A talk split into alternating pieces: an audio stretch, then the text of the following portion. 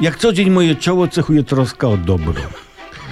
Dziś o dobro demografii polskiej. Pan Kamil Sobolewski, główny ekonomista pracodawców RP, ujawnił badania, z których wynika, że do 2050 roku liczba ludności w Polsce zmniejszy się o 5 milionów. Dodatkowo w Polsce będzie coraz więcej seniorów. No, najgorzej pod tym względem ma Hiszpania, gdzie jest najwięcej w Europie seniorów, prawda? Mamy w Polsce ujemny współczynnik przyrostu naturalnego. Według definicji współczynnik przyrostu naturalnego obliczamy odejmując liczbę zgonów od liczby urodzeń, dzielimy to przez liczbę mieszkańców kraju i mnożymy przez 1000 promili, uzyskując wynik w promilach, co się słabo kojarzy, bo 1000 promili to jest mniej więcej, nie wiem, stukrotnie dożywotnie odebrane prawo jazdy. Nie? Ja przypomnę, że dokładnie ileś tam promili to wynik śmiertelny.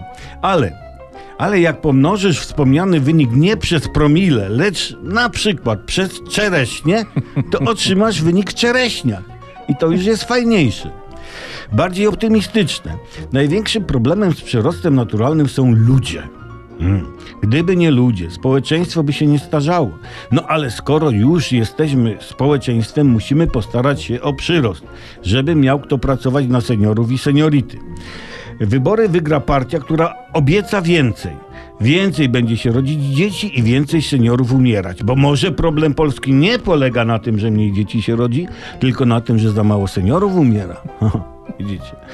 Dziś była garść teorii o praktycznym rozwiązaniu problemu, tak by ujemny przyrost zamienić na dodatni ubytek, porozmawiamy w następnym felietonie.